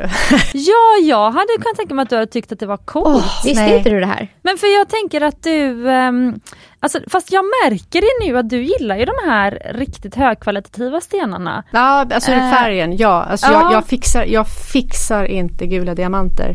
Vad man tänker för att demokratisera Men det är kanske du som inte, du gillar inte champagne då heller? Jo, att dricka champagne, nej men grejen okej, okay, jag, gillar, jag gillar gult i andra saker. Gula fjärilar, gula blommor, men jag gillar inte gula stenar. Alltså, och gula diamanter specifikt. Så att jag tror att det kanske är det som gör att jag skulle hellre lägga, det behöver inte vara DE, men jag skulle hellre lägga lite pengar på färgen eller avsaknad av färg än renhet. Ja men du kan ju mycket om det här och har sett väldigt mycket stenar å andra sidan. Det kanske är... Ja, alltså det, det, det är märkliga och jag har ingen förklaring, ingen, ingen eh, psykologisk förklaring till det här. De kanske har det där ute. Men när jag var elev på, på GA, när jag själv gick den här kursen, gemologutbildningen. Så märkte jag när vi tittade, vi fick chans att titta på några gula diamanter. Mm. Alltså fancy diamanter? Ja, ja, så blev jag fysiskt illamående. Alltså som att trycka på en knapp. Det var, jag har aldrig upplevt något liknande. Det var som att bli, ha den värsta åksjukan på någon sekund. Sen spola fram lite nu när jag var lärare, så några år senare på GA så fick vi lärare gå upp till eh, labbet i New York. Och så sa, skämtade då en av mina kollegor, lärarkollegor, han kände till det här. Så då så sa han åt, det var två personer som satt och graderade fancy diamanter. Och så sa han att ja, hon gillar inte gula diamanter, hon blir illamående. Och det låter ju som ett skämt. Det, det, låter ju som att jag bara sitter och överdriver. Och då tog de fram en bricka och så sa de okej okay, men vi har två stycken bland, ja, kanske, jag vet inte 50-60 stenar. Vi har två stycken som är Fancy Vivid. Som är det allra liksom, finaste gula då. Som vi har som jämförelsestenar. När det kommer in gula diamanter så jämför de mot de här stenarna för att se om de håller måttet. Och vilka är de sa de. Och då blir jag ju stressad. Jag tycker inte om att bli liksom testad så. Men jag tittade på den här plattan då med alla de här stenarna. Eh, en låda. Och så sa jag, ah, de här två och så pekade på två stenar och så sa de, och det var de stenarna och så sa de varför? Va, vad, är det, vad är det som, hur, hur visste du det? Eller liksom, vad var det som fick dig att välja de här? Därför att jag, jag vill kräkas när jag ser dem. Och, och vi gick runt, vi kunde gå runt med elever och titta på gula stenar och jag backade när jag såg en gul diamant. Mm. Sen har jag blivit avtrubbad eftersom jag var tvungen att jobba med gula diamanter genom åren. Jag kan ju inte säga då till min chef, nej det här tar jag inte i. Så det var bara, och nu har jag blivit lite avtrubbad men jag tycker fortfarande inte om dem. Så jag blir inte omedelbart illamående men jag tycker verkligen inte om gula diamanter. Jätteintressant. Men mm. vilket C skulle du kunna tänka dig att gå ner på då? Renhet. Och då är mitt tips, eh, jag skulle med lätthet gå ner till VS2 jag skulle kunna gå ner till SI. Men om någon köper en, en diamant så skulle jag säga att om man är på ett auktionshus eller en butik eller man, man köper och kan inte se diamanter med egna ögon. Eh, be och få veta vad det är för inneslutningar som sätter graden. Och vad jag menar med sätter graden, vad är det som avgör att en diamant är SI1? För du kan ha en stor kristall och det är inga problem. Men du kan också ha en, ett internt brott som sitter på ett ställe i diamanten där den blir lite känsligare. Och då finns det på, om det är en större diamant som någon köper i och med större menar jag ja, kanske över en halv karat. Då kan man definitivt en karat uppåt. Det där har börjat ändra sig lite nu. Men från en karat kan vi säga för säkerhets skull. Eh, så finns det alltid någonting i en labbrapport som heter plot. Eller en plot, en karta.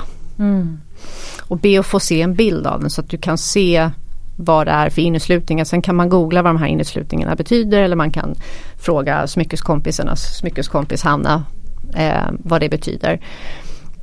Och det är väldigt viktigt för att att köpa en SI1 diamant till exempel, det, du har så många olika varianter på det och är man en person som kanske inte är så så eh, försiktig. försiktig. av sig, precis som vårdar sina smycken. Eller man, man, kanske, nej, man kanske har ett jobb där man håller på mycket med händerna.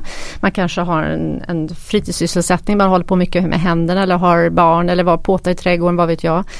Det är bra att ta av sig smyckena men om man har en ring man kanske inte vill ta av sig då, och inte är så försiktig, då är det viktigt att man inte tummar på renheten.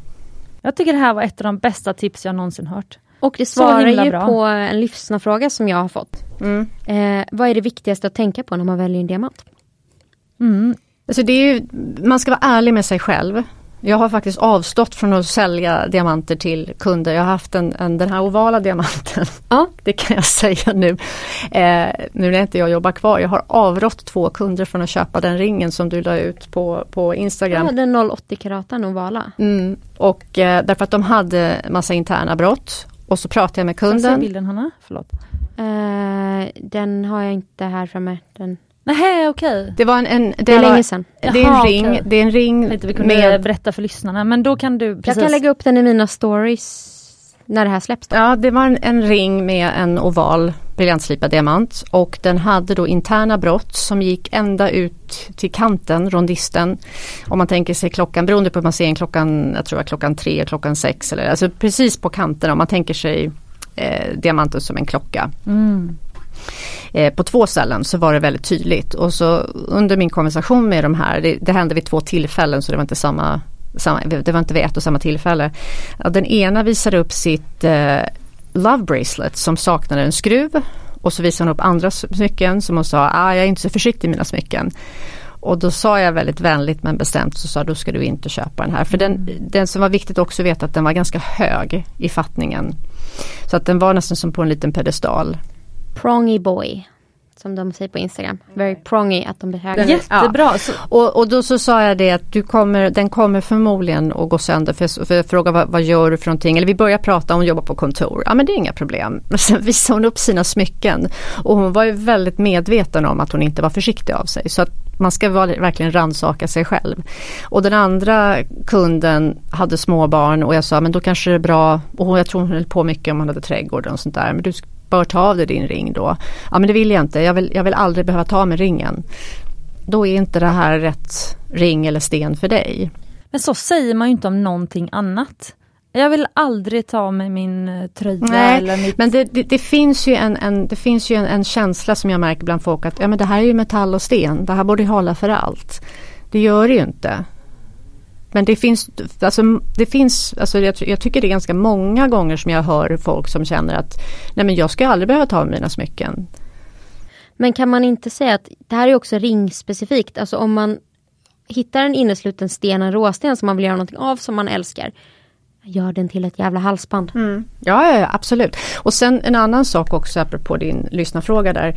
Eh, för ni har ju lyft hela alliansringar mm. som är eternity bands. Och ska man ha, om man låter göra upp en sån ring eller köper en sån, då ska man passa på, oavsett om det är diamanter eller med färgstenar, då ska man passa på att köpa till två, tre, om man, beroende på budgeten, lösa stenar. Mm. Därför att varje gång jag har undersökt i, i gemologiska sammanhang en helalliansring, alltså en, en, som någon har lämnat in för försäljning på auktion till exempel eller lånat på pantbank.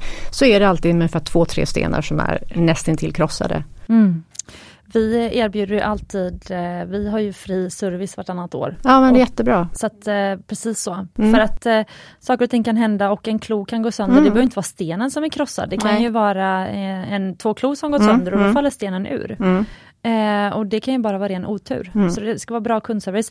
Vi måste avsluta det här. Det här blir säkert över en och en halv timme det här avsnittet. Men jag föreslår om killarna i studion okejar att vi kan eh, sitta kvar och spela in bonusavsnitt med nästa lyssnarfråga och ge ännu fler tips om vi vill. Eh, om ni har tid också. Mm, tummen upp säger ni.